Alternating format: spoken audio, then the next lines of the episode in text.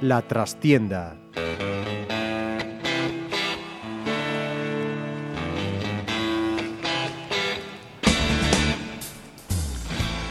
Saludos amigos, os habla Ramiro Espiño en nombre de todo el equipo. Comenzamos la trastienda en Pontevedra Viva Radio, como siempre, con unos contertulios de primera. Adrián Rodríguez, periodista y aficionado al deporte en general, bienvenido. ¿Qué tal? Eh, David Sierra, entrenador del Ribadumia, además de otras muchas cosas, ¿no? Muy buenas. Buenas. Y Víctor García Borrás Pillo, también entrenador, en este caso de balonmano, haciendo historia al frente del Cangas Frigoríficos de Morrazo. Bienvenido. Buenas tardes, muchas gracias. Bueno, pues arrancamos por donde queráis, aunque como lo que manda en este país es el fútbol, a mí me vais a permitir, eh, tanto David como Adrián, que le haga un inciso a Pillo, que lógicamente tiene que estar afectado, como todos los que nos gusta el balonmano, por esa, hombre, fracaso no, porque el balonmano está tan apretado que no se puede definir como fracaso, pero sí decepción por el hecho de que los hispanos no vayan a estar en Río después de no sé cuánto tiempo fuera de, de, de una élite mundial. ¿no? Pues sí, la verdad es que fue un fin de semana bastante complicado para los aficionados al balonmano porque eh, hace 40 años que, no nos perdíamos una cita olímpica y fracaso en deporte es difícil de, de, señalar un fracaso, ¿no? pero sí una decepción enorme porque, insisto, eh, 30 minutos nefastos con Eslovenia pues nos mandaron para casa. ¿Cómo pudo suceder eso? Porque es que, a ver, es verdad que en balonmano la diferencia entre un primer, un segundo, un tercer, una medalla, vamos, en una gran competición, y un décimo puesto, lo estamos viendo casi en cada campeonato, que, que es mínima, ¿no? O sea, se, se juegan en, en, muy poquito terreno, pero es que esa segunda parte con Eslovenia fue fatal, ¿no? Hombre, España eh, lleva en la élite mundial muchos años y, y, como tú dices, la diferencia entre quedar primero, segundo u octavo es, es mínima, ¿no? Pero yo creo que también mm, tenemos que ser críticos en, en, el balonmano español ahora mismo tácticamente es el mejor del mundo y de hecho eh, sus entrenadores están cotizados y, y a nivel táctico es, es, es, es, el mejor. Pero tenemos carencias y carencias que los rivales también saben. Física sobre Exacta, todo. Exactamente. Nosotros tenemos muchos problemas cuando las defensas grandes se nos cierran atrás porque no tenemos lanzadores y nos anulan el juego con Julen y el juego con los extremos tenemos carencias en el momento en que la portería no aporta quizá un poco más que los demás equipos porque la otra arma nuestra es el contraataque y si no recuperamos balón no hay contraataque. En fin, que España tiene que jugar a un nivel muy, muy óptimo para, para conseguir resultados, eh, tocar eh, medalla, ¿no?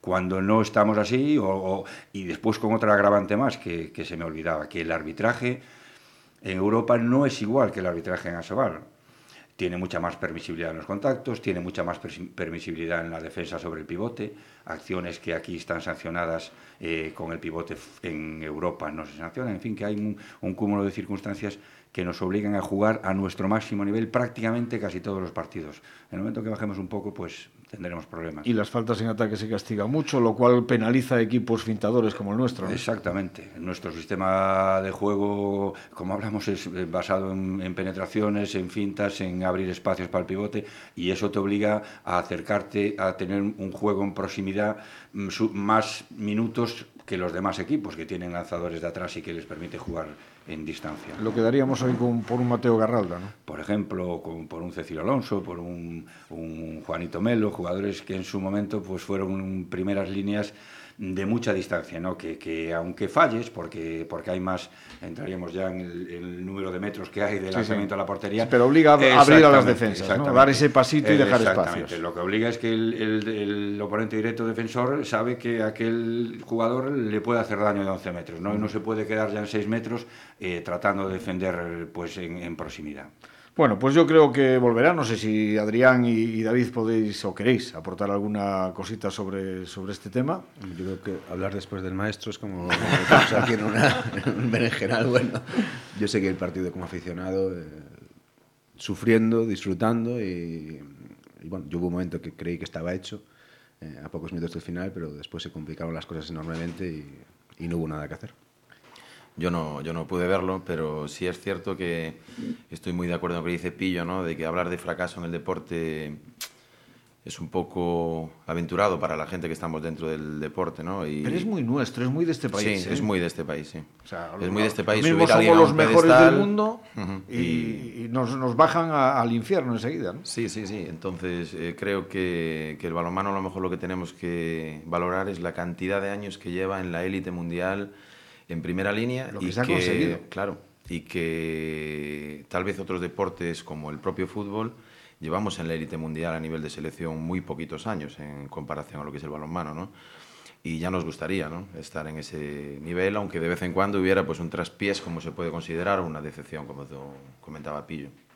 Y lo que es cruel, además, eh, no sé si Pillo apuntabas que querías decir alguna cosita. No, yo quería decir que, que esta generación de jugadores de, de la selección no puede eh, quedar eh, retratada con este resultado, ¿no? Porque nos ha dado tantos éxitos sí. en, en, los últimos 10 años, porque han sido los mismos jugadores. Sí, sí. Han ido creciendo, han ido madurando y nos han dado tantos éxitos que sería injusto que, que ahora pusiéramos el foco en este resultado puntual que, insisto, a pesar de ser una decepción enorme, eh, el trabajo que tuvieron que desarrollar estos jugadores para llegar ahí eh, no, los se da ni idea a la gente del, que tuvo que ser. Y no olvidemos, una cosa, que es que eh, en en balonmano quizás se note mucho más que en otros deportes, ¿no?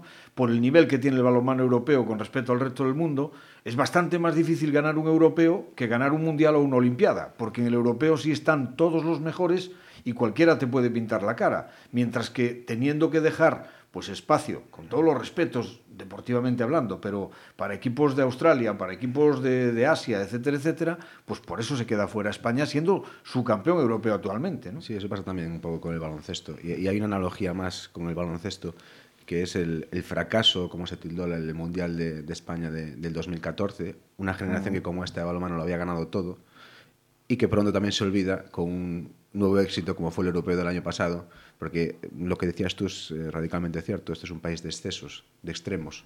Somos muy buenos o somos muy malos, siempre vamos hacia, hacia los lados opuestos. ¿no? Uh -huh.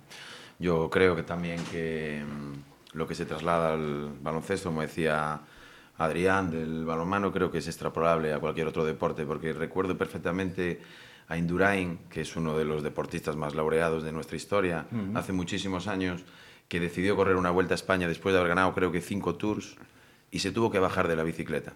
Y yo estaba viéndolo en un, en un bar en la, en la playa y recuerdo perfectamente a la gente poniéndolo pero a parir. Y, y, yo, no, yo no daba crédito. Sé que en otros países lo hubieran nombrado ser o lo hubieran nombrado sí. no sé qué tipo de categoría, ¿no? Y creo que es un poco la idiosincrasia de este, de este país, ¿no? Que no sabemos valorar a lo mejor el esfuerzo que le conlleva a un deportista lograr éxito tras éxitos, o Rafa Nadal mismo. No caemos en pensar que antes de Indurain, por ejemplo, ya que has citado el ejemplo de Indurain, quedar tercero o cuarto en un tour, aquello era la releche. Uh -huh, claro. Y a partir de ahí, pues es que todo lo que no sea ganar el tour no sirve para nada. No, ya tenemos el problema de que nos hemos mal acostumbrado, hemos tenido una... Evidentemente España ha dado un salto cualitativo en deporte en los últimos eh, 20, 25 años muy importante, pero los últimos 10 han sido especialmente buenos y va a ser muy complicado mantener ese nivel. Y hay que ver cómo, cómo este país, con esa capacidad suya que tiene para fabricar cadáveres y, víctimas, va a poder asumir ese, ese, proceso. No va a haber mm, posiblemente ningún Rafa Nadal, ni ningún Pau Gasol, ni, ni, ni ningún Fernando Alonso. Y, y, en esa tendencia cainita que tenemos, pues habrá que ver cómo, cómo, cómo afronta el país ese, ese, futuro un poquito más negro que tenemos ante nosotros. Bueno, pues en esa línea, aprovechando, dice el dicho, que el Pisuerga pasa por Valladolid, yo digo, aprovechando que el Erez pasa por Pontevedra, ayer se escucharon en Pasarón, en el Pontevedra Sporting B, los primeros silbidos de la temporada. A los 20 minutos de partido. Eh, sin duda el espectáculo que estábamos viendo los justificaba, pero realmente exige demasiado la afición del Pontevedra. Nos hemos olvidado de dónde venimos y que este Pontevedra quizá esté muy por encima de las expectativas creadas antes del principio de liga? La afición del Pontevedra es muy complicada, muy complicada y muy exigente, muy exigente. Eh, la tendencia al silbido en Pasarón es, es más sensible que en otros lugares. Yo creo que Luisito tiene mucha razón en esta insistencia de los últimos meses de, de, recalcar que este equipo está hecho para, para la permanencia Lo que pasa es que las, la, buena temporada de inicio eh, ha generado unas expectativas que no se ajustan a la realidad y son normales, ¿no? Hemos estado en puestos de playoff durante, durante bastantes jornadas, pero, pero es evidente que, que, el equipo pues no, no, en esta segunda vuelta pues no ha reflejado que no da para, para más de lo que está dando, que es una temporada absolutamente excepcional. Y yo creo que a veces la, pues la afición se, se deja llevar por esa, por esa exigencia y, y, no es justa con el equipo, como creo que pasó el otro día. Es evidente que el, que el partido pues no fue bueno y que el equipo jugó mal en la primera parte pero creo que un poquito más de paciencia no vendría mal. Bueno, eh, coincido. Tú, aparte también. de estar en el Rivadumia, David, tú sí. has pasado por esa casa también. Has estado como sí. segundo entrenador del, del, sí. Pontevedra, vamos, como entrenador, del Pontevedra. Filial, he estado como jugador también. Eh, es, un, es un club difícil, es un club precioso, pero es un club difícil. Cuando las cosas van muy bien es inolvidable, pero cuando las cosas no van tan bien, pues penaliza mucho, ¿no? Yo en este sentido tengo claro que mm, en la confección de la plantilla del Pontevedra, cuando se. allí por el, por el mes de julio, supongo, después del, del playoff, eh, se decide pues atacar esta segunda vez sin demasiados cambios, ¿verdad? En, el, en la plantilla, todo el mundo hubiera firmado estar en donde está a día de hoy. Después, un mal comienzo de temporada, no nos podemos olvidar uh -huh. que el bloque y el cuerpo técnico sacó muy solventemente de una situación, de una dinámica que no era nada buena. Todo el mundo en ese momento también hubiera firmado estar en donde estamos ahora a falta de cinco jornadas. ¿no? Por lo tanto, yo relaciono mucho el rendimiento con las expectativas. Esto es, mientras el Pontevedra se acercaba a los cuatro primeros sin ningún tipo de presión, eh, todo por ganar y nada que perder, el Pontevedra rendía. En el momento que esa presión se puso sobre la mesa y había ya una pseudo obligación de intentar y tal, el rendimiento creo que bajó. Probablemente por la calidad de la plantilla, que, que, que está haciendo la temporada desde mi punto de vista muy, muy buena, y probablemente por esa presión también. Sí, también algunas lesiones importantes, ¿no?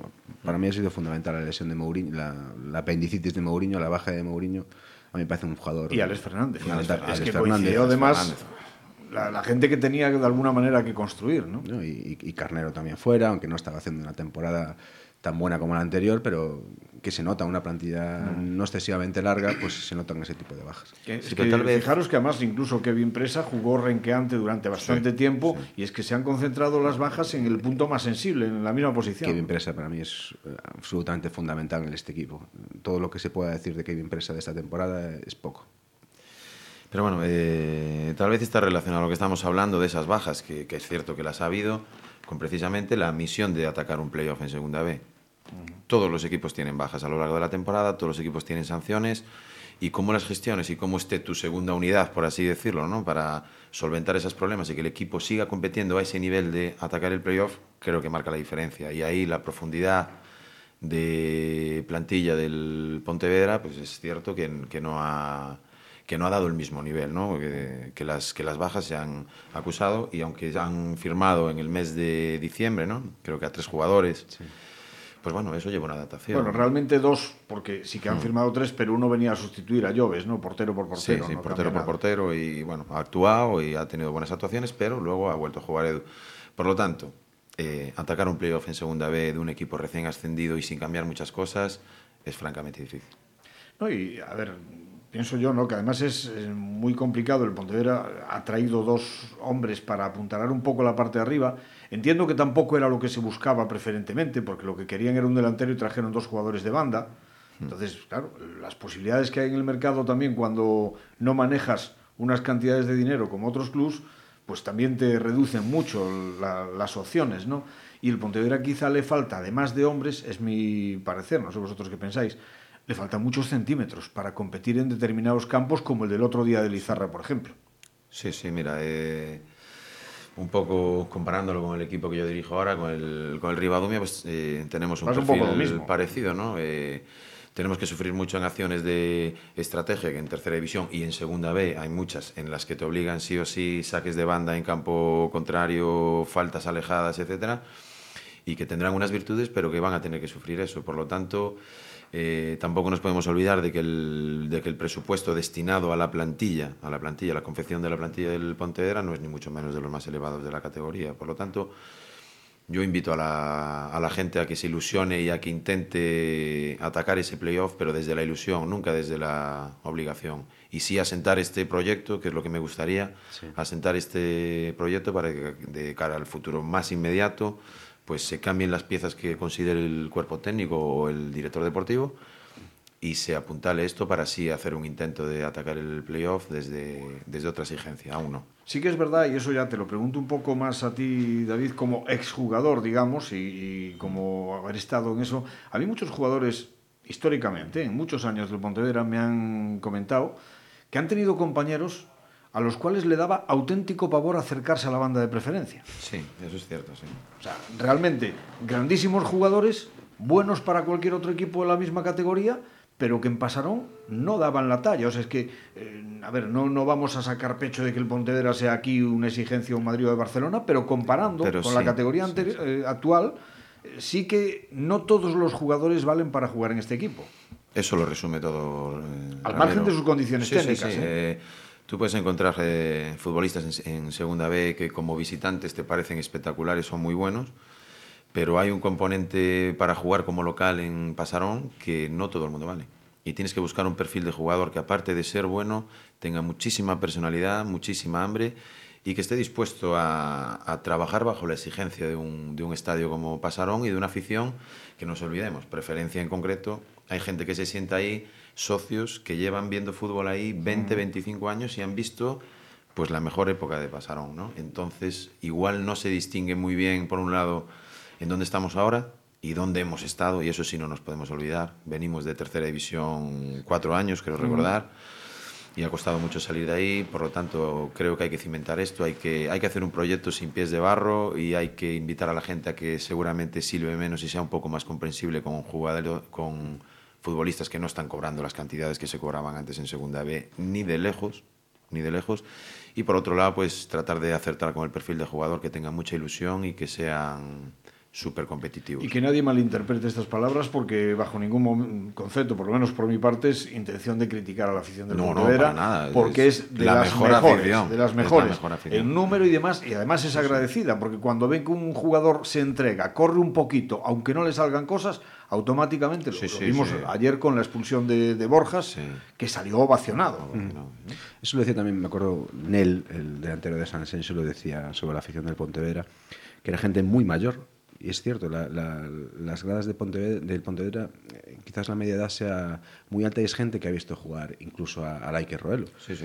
Y, y, y, y, le falta ese punto de perspectiva que decía David de, de, de, estar, de saber dónde estamos ahora actualmente. Es que nos pasa incluso en los últimos 10 años. Este, el equipo estuvo a punto de desaparecer hace tres o cuatro temporadas y el año pasado estábamos en tercera. Y este año vamos seguramente consigamos la clasificación para la Copa del Rey. Es un éxito absoluto. Hay una columna, publica hoy una columna en el colega diario de Pontevedra, el compañero Jaime Nogueira, eh, yo creo que muy acertada en ese aspecto, hablando precisamente del envejecimiento de la afición de Pontevedra y en el que falta relevo sí, generacional. Sí, es cierto. Yo sí que no, o sea, no es por corregirle, por enmendarle la plana, ni mucho menos, pero sí que estoy ligeramente en desacuerdo con él en cuanto a que ese relevo generacional lo hubo. Lo que pasa es que eh, quizá a la gente más joven le falta ese pozo y está mucho a la fiesta, a la alegría. Entonces, sí. sí que lo hubo, sí que llenó Pasarón, sí que acudió en las grandes tardes, pero le falta estar pues en tardes como los de ayer, que hacía un frío que te pelaba y que por encima el partido es malo, ¿no? Entonces, desde y, ahí... Y que, te, y que te lo echan por la tele. Pues también, también, evidentemente. Desde ahí sí. sí que a lo mejor falta, pues no sé, un acercamiento del club para intentar incrementar la... Creo que lo hubo hace... Ese en perfil. La, en, la, en la etapa previa al, al, ascenso a Segunda División, ¿no? Que hubo varios, varios playoffs. Eh, sí había un acercamiento notorio y una grada joven. Eh, se había activado muchísimas medidas, digamos, para atraer a gente joven a Pasarón porque es el, es el futuro, ¿no?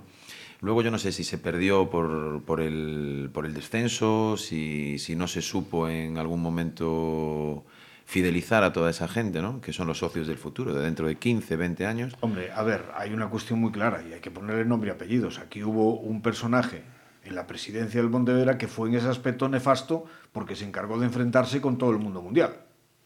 Bien, eh, Yo, yo, correcto. yo añadiría otro, otro factor también. A lo mejor hay que pensar eh, cómo ha influido la crisis económica en esta cuestión. La gente que tiene capacidad todavía adquisitiva es la gente con una cierta edad. Eh, jubilados que les apetece gastarse su dinero en, en un abono para pasarón, eh, gente que tiene un trabajo ya estable hace muchos años y, y a lo mejor la gente joven que aparte tiene otras múltiples ofertas de ocio a las que aferrarse, pues mm, no considera necesario gastarse el dinero en ir a, a ver al Pontevedra. Pillo, te veo muy callado.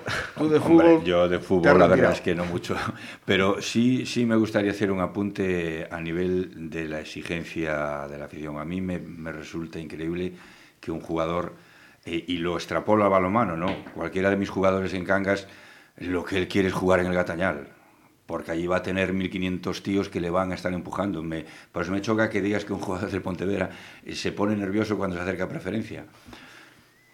Pero es un perfil de afición distinto, Pillo. Fíjate, en el balonmano pasa igual en el municipal. Tú Sí, pero, lo en has el, vivido. sí, pero en el municipal yo no vi... Pero es como más familiar.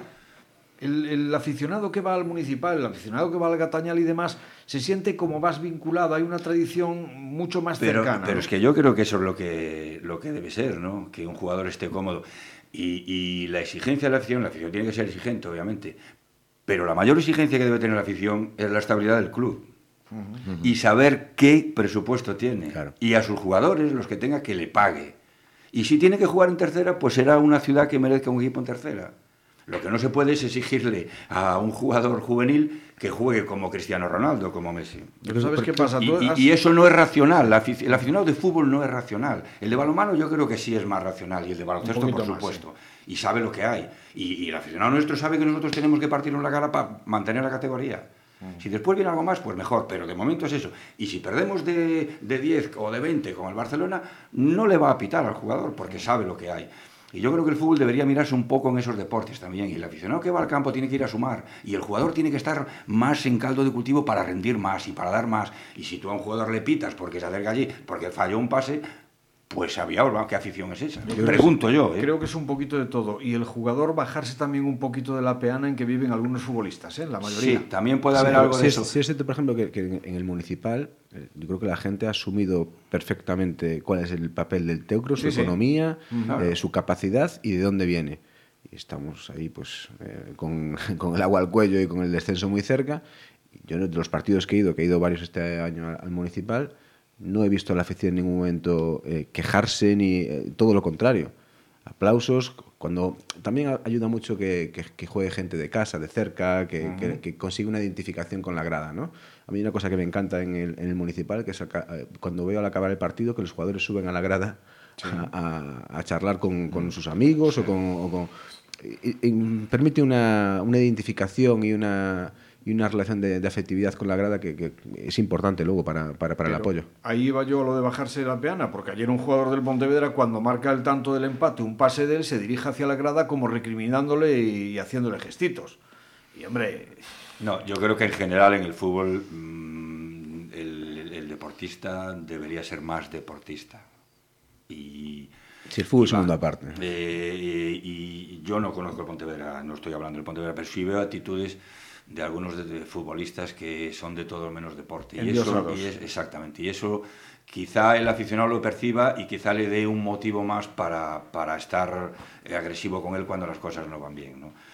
Pero lo que sí está claro es que a mí no se me saca nadie de la cabeza que el aficionado tiene que velar por el club y tiene que ayudar a su equipo. Y lo primero es que el club esté estable. Y después que el jugador rinda al 100%. Y para eso tiene que empujar y ayudar. Yo personalmente soy un admirador de los valores del balonmano, de los valores que representa el balonmano. Eh, y tengo que decirte, Pillo, que mi segundo entrenado en el Ribadumia, que es de Cangas, es un asiduo, es uno de esos 1500 que va allí y si no lo digo, pues me mataría, ¿no? Y, y esos valores, el otro día estaba viendo, creo que era el, el- el filial del Teucro contra el, un equipo del, contra el Camariñas, creo. Y yo veía la cantidad de contactos que había ahí y la nobleza que hay en ese deporte. Y lo, y lo veía con una envidia sanísima, porque el fútbol no tiene nada de eso. Y esa esencia del balonmano es la que había que trasladar para el fútbol, porque estamos demasiado mediatizados eh, en cuanto a prensa. La, prensa deportiva de alto nivel se ha transformado en prácticamente prensa rosa y los niños, por desgracia, eh, maman todo eso y estamos haciendo un caldo de cultivo que me preocupa desde hace ya muchos años. Eh, yo lo digo como exjugador de balonmano, no al nivel que ha estado Pillo, ya me gustaría, pero bueno, pues hice lo que pude también, ¿no? Si alguna vez se pudiesen escuchar, escuchar, ¿eh? no ver, un partido de balonmano en absoluto silencio, más de uno se quedaría impresionado de cómo suenan las bofetadas. Sí, sí. sí, sí. Es así, es así, Pillo me lo puede decir. sí. Y no hay nadie que se rebote por nada. En fútbol es que te soplan y ya se encaran unos con otros. O sea, y, y se caen al suelo y parece que los han matado. Pegan unos alaridos que es que es algo tremendo. A mí, de hecho, del partido del Pontevedra de ayer, lo que, mm, lo que lo único que creo que no me gustó, yo no vi ese gesto de, de- en el gol del Pontevedra de, de encararse con la grada, eh, fue la discusión entre, entre Mourinho y Verdú por el lanzamiento de la falta, que me, me pareció un poco esperpéntico, la verdad. No, Eh, no sé si tenía que haber entrado Ilusito a poner orden o, o quién, porque es que fue fueron eso. 30 segundos eh, discutiendo delante de todo el mundo a ver quién tira la falta, que encima la falta luego fue un desastre.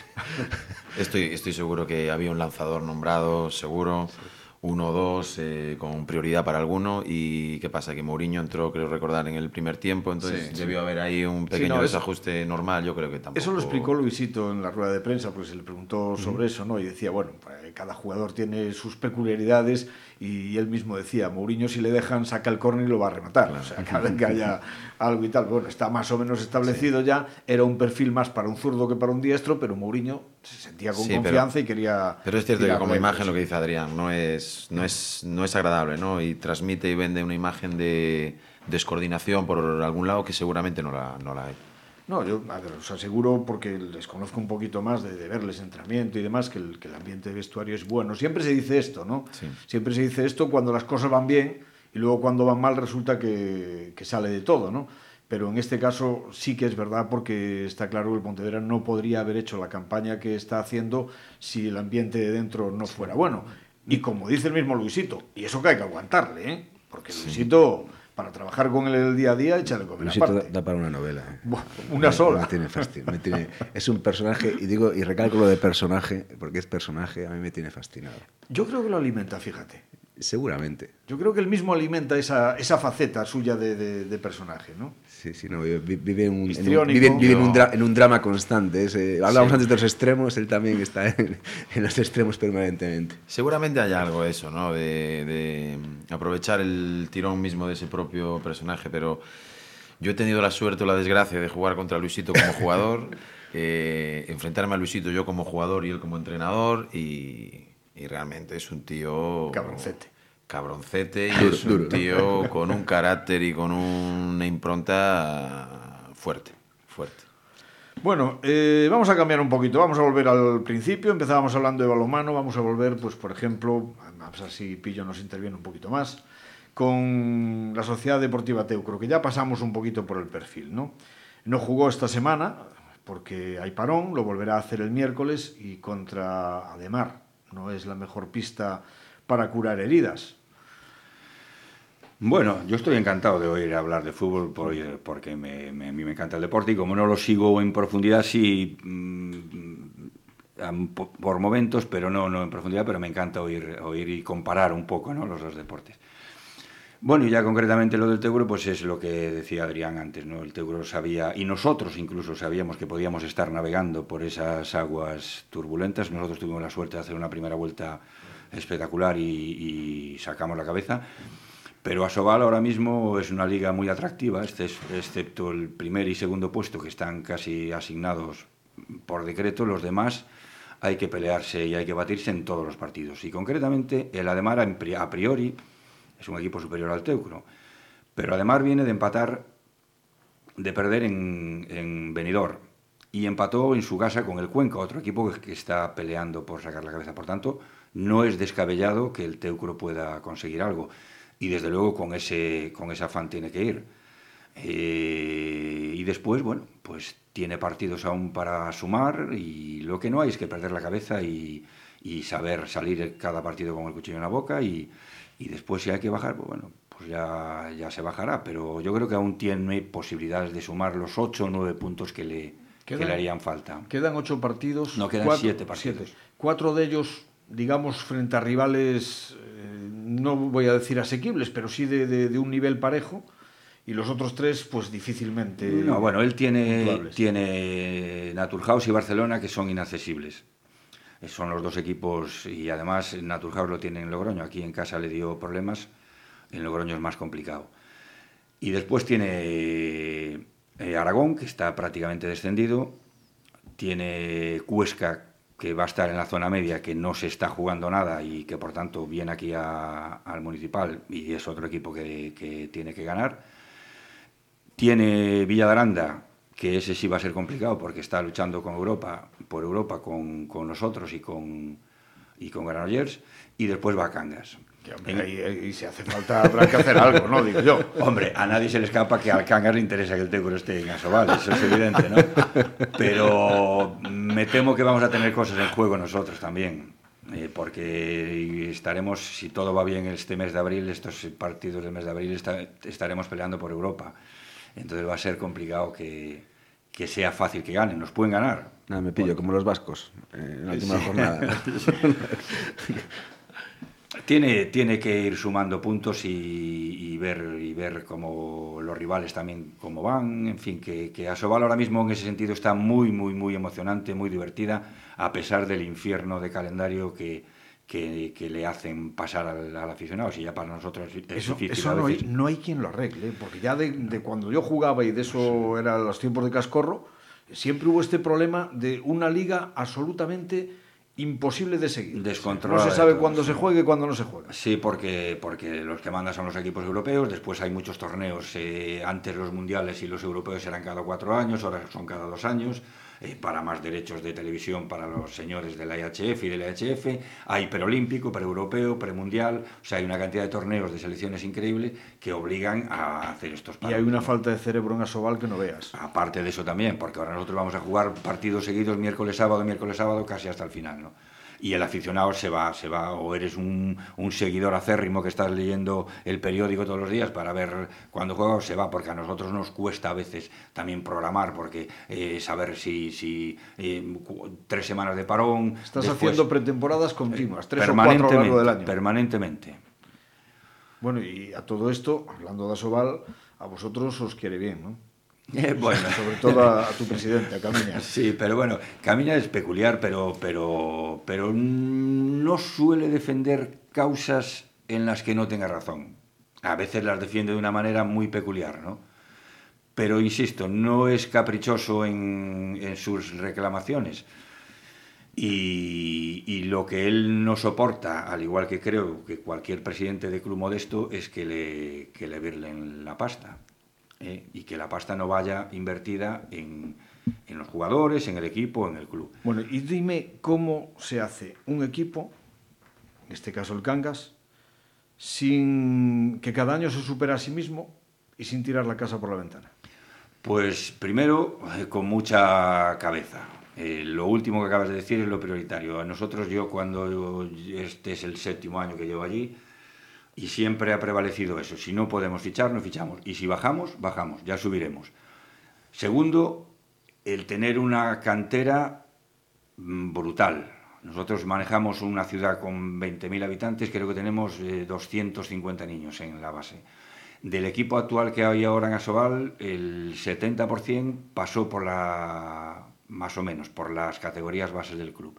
Con paciencia, obviamente el nivel de Asobal ha bajado. Tú sabes, Ramiro, mm. que este equipo eh, que ahora es quinto y que el año pasado quedó, que es sexto y que el año pasado quedó quinto, en la Soval de hace 10 años no jugaría y, y, y, tendría problemas para mantenerse en la B. Entonces, este bajón económico que, que conlleva un bajón de calidad ha primado los equipos que han apostado pues por, por una cantera y, y, y, por jugadores que con proyección dándole opciones de jugar y dándole confianza pues pues han explotado no y yo creo que ese es el... Y después o Gatañal, que, que como hablamos antes, eh, 60 minutos en el Gatañal son muy largos, muy largos, y, y cada temporada pues 4 o 5 puntos son de la, de la gente. Y Sierra, ¿el Rivadumia qué? Que estabais ahí metidos abajo, habéis ido, habéis ido sacando cabeza, pero a diferencia de Pillo como Gatañal, a Senra se os atraganta, macho. Bueno, sí, estaba pensando ahora cuando escuchaba a, Pillo, ¿no? que 60 minutos en el Gatañal son muy largos y para nosotros en Ribadumia muchas veces 90 minutos en Ribadumia fueron muy largos también. ¿no? Hemos perdido muchos, muchos puntos en los últimos minutos. Sobre todo en el... Bueno, en alguna el- habéis ganado también. Sí, ¿eh? sí, sí, sí. La Y últimamente pasada- hemos crecido muchísimo en ese aspecto, porque no hay que olvidar que tenemos cinco jugadores de la temporada pasada, seis eh, jugadores de la temporada pasada. Hemos hecho una apuesta también, como dice Pillo, de jugadores de un perfil muy, muy joven. Y No lo dirás por Chanqui, ¿no? no, Changi no. Changi es de esos cinco y de esos veteranos además que, que aporta muchísimo, que aporta muchísimo, no, no solo goles, que eso es eh, evidente y cuantificable, sino en otras muchas cosas que no se pueden medir. Entonces, pues ese primer tercio de temporada en que esa juventud creo que nos pasó factura, pues nos lastró de, de cara al resto de temporada. Pero ahora veo el equipo mucho más maduro y no solamente ya no perdemos puntos al final, que los perderemos en algún partido, sino que somos eh, El mata capaces... gigantes. Sois el mata gigantes. Bueno. Ganar en Cerceda, en Orrocho, ganar ayer en Bouzas, no está al alcance de todos en tercera división. ¿eh? Bueno, hemos hecho un trabajo muy muy bueno ayer que conseguimos el premio, pero tengo que defender aquí también a la plantilla. Lo hemos hecho también muy muy bien cuando no hemos ganado. Anda que el webmaster de, la página oficial de Rápido de Bouzas os pone finos, ¿eh? Bueno, me, me duele un poco porque yo no sé la verdad si eso es la página oficial del Bouzas Sí, o oficial es, es oficial. Bueno, pues, pues es cierto que me duele un poco porque pretende darle un, un cariz distinto a lo que ha sido el partido de ayer, que ha sido un- una, una gesta de un, de un equipo en un partido disputado de guante blanco, con mucha intensidad, pero de guante blanco, y en el que es posible que haya habido algún error arbitral, pero el penalti es penalti y debe ser roja. El gol ya lo he visto por la tele, el segundo gol, y no es fuera de juego, por lo tanto no entiendo esas quejas.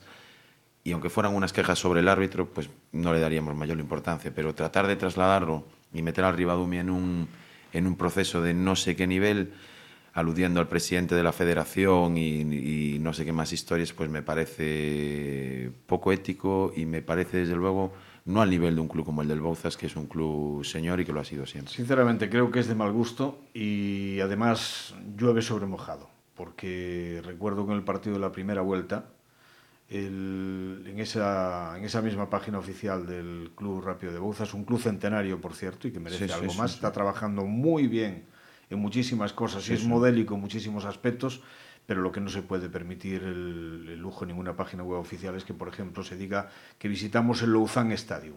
Sí.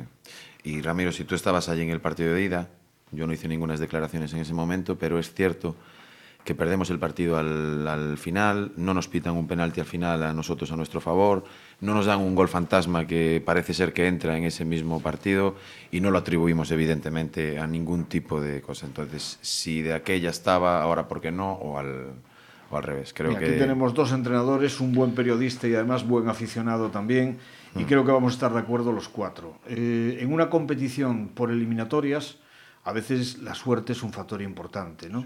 Pero en una liga de 38 partidos, al final uno está donde se ha merecido durante el año. totalmente de acuerdo. Y si no está donde se ha merecido, va a estar muy, muy cerca, Muy de donde se ha merecido. O sea que todo. Pero bueno, esta es la salsa del fútbol más que de ningún otro deporte, ¿no? El discutir sobre una acción, sobre eso, echar la culpa al Madrid, el equipo del gobierno, el otro, tal, el Bar. Eso es salsa del fútbol. Lo que, lo que a mí no me parece bien es que eso lo hagan profesionales o lo hagan desde el propio club, en la taberna tomando un. Claro, vino, no, claro, claro. pues, ah, pero ya un profesional que entre en esas cosas ya sí que no me parece correcto. yo el otro día lo comentaba, ¿no? O sea, en mi red social particular yo reconozco que soy pues, un poco provocador. Del Madrid, aspecto. eres del Madrid. No, ni mucho menos. Ya, lo, he- ya, lo he ya. dicho, lo he dicho además por este, por este orden. Atlético Cuntis, como tú el Ribadeo. Pontevedra y Barça. O sea, no lo, no lo oculto para nada, pero una cosa es La opinión. eso, en mi faceta particular, que además hablo con mis amigos y pincho lo mismo que ellos me pinchan cuando salen torcidas. Pues no te digo lo que he tenido que aguantar estas dos últimas semanas. Vamos, pues, para no decirlo. Entonces, pero otra cosa es que cuando te pones delante de un micro, cuando te sientas delante de un teclado para escribir, tienes que tener otro, otra objetividad y otra forma lógicamente, de, de ver las cosas. Pero también es verdad. Sí, también habrá que ver, no conozco esta polémica, pero habrá que ver también quién es la persona que lleva la página web del Rápido de Bouzas, que a lo mejor es el, un directivo o que no es ni periodista. Sí, decir. pero no, no, en cualquier caso eh, está hablando en nombre de la institución. Está, está claro, claro. Entonces ahí hay que, hay que comedirse. Claro. Pero como decimos... Yo es que lo, lo, quería disculpar porque tengo un sobrino en el Rápido de Bouzas. en el equipo Benjamín. ¿eh? Los partidos duran lo que duran. Y si no fuese así, ¿de qué íbamos a hablar el resto de la semana? Por eso no se pone la tecnología en el fútbol y claro. demás, ¿no? Para terminar con los errores. En fin, señores, que no sé si sabéis que aquí en la trastienda, en Pontevedra Viva Radio, tenemos también un microespacio irónico festivo que le llamamos la sastrería. Su nombre ya dice más o menos de qué va. Y la conduce nuestro sastre particular, que vamos a ver con sus amiguetes que nos dice hoy. Estamos che ben. Non damos unha. O de onte foi de traca. Tanto que se escuchó sonido de viento en Pasarón por primera vez en la temporada. No era para menos, no era para menos. El año es más que bueno, pero eso no quita que los últimos partidos que llevamos soportando sean para enfadarse. A ver si al menos sirve para que Luisito se deje de inventos raros. Y si alguno está para jugar, si no está, pues que no juegue, que no, no juegue y ya está. Sí, sí, porque hacer dos cambios a la media hora es tanto como decir que se ha metido la pata hasta decir basta. Por cierto, por cierto, ¿alguien sabe qué le ha pasado a Pedro García? Que ha pasado de ser siempre el primer relevo a no rascar bola nunca. Misterios de los entrenadores. Como lo de dejar fuera una semana a Queijeiro y Hugo y la siguiente ponerlos de titulares. Pero es que lo de este domingo en Pasarón fue de película de Berlanga. No lo dirás por los camilleros, que más parecían la procesión del Santo Entierro. Sí, salieron a la misma velocidad que el coche de Fernando Alonso. Como decía o meu avó, sodes vos para ir buscar a norte.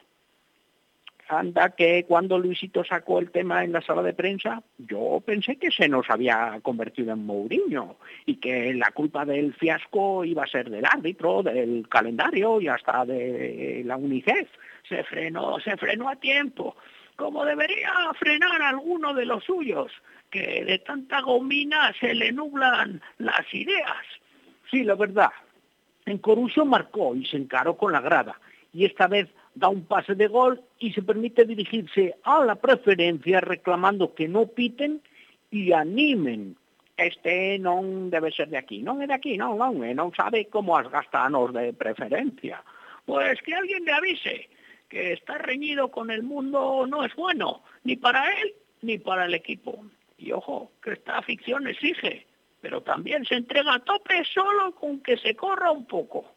Por cierto, por cierto, ¿os acordáis que la semana pasada hablábamos de determinados elementos que se dejaban querer y se posicionaban para la silla de Luisito, pues me dicen que algunos se han ofrecido incluso para venir gratis, que manda carallo. Pues a mí me hablaron de uno que gratis, no sé, pero de muy lejos sí. Oye, oye, ¿no será un que anda a la por la India? Pues Si ese, coidadiño, coidadiño que por aquí xa o coñecemos de cando era xogador. E os que foron compañeiros tamén, que ao final todo se sabe aínda que non se diga. Veña, deixémolo aquí que me quento, con Deus. Mejor que no se calente el personaje este que tiene un peligro. Como decían históricamente en aquel famoso carrusel mítico, ¿no? Peligro en la condomina, ¿no? en las bueno, señores, pues Adrián Rodríguez, David Sierra, Víctor García Borrás Pillo, muchísimas gracias por estar aquí, por acompañarnos en esta trastienda y esperamos volver a teneros en, en otra ocasión. Y nuestra despedida musical, que la hacemos siempre también, o sea, esta trastienda termina con un tema mítico que a nosotros pues particularmente nos gusta mucho y que queremos compartir siempre con los oyentes. ¿no? Esta semana lo ocupa un tema del dúo norteamericano, originario de Filadelfia, exponentes del Blue Eye Soul, Derry Hall and John Oates. De su concierto ofrecido en el Teatro Olimpia de Dublín el 15 de julio de 2004, Manager. Como siempre, que lo disfrutéis. Hasta la próxima semana que intentaremos que haya más y si podemos, también mejor.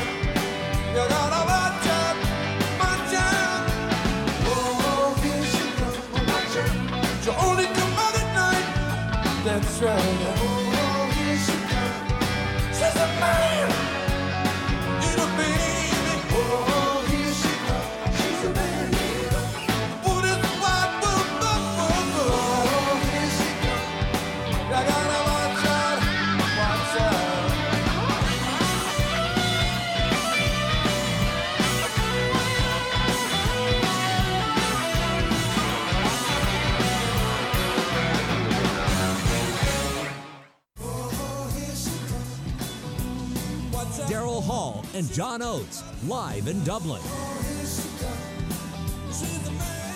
Daryl Hall and John Oates premiere Sunday, March 29th at 8, only on Access TV.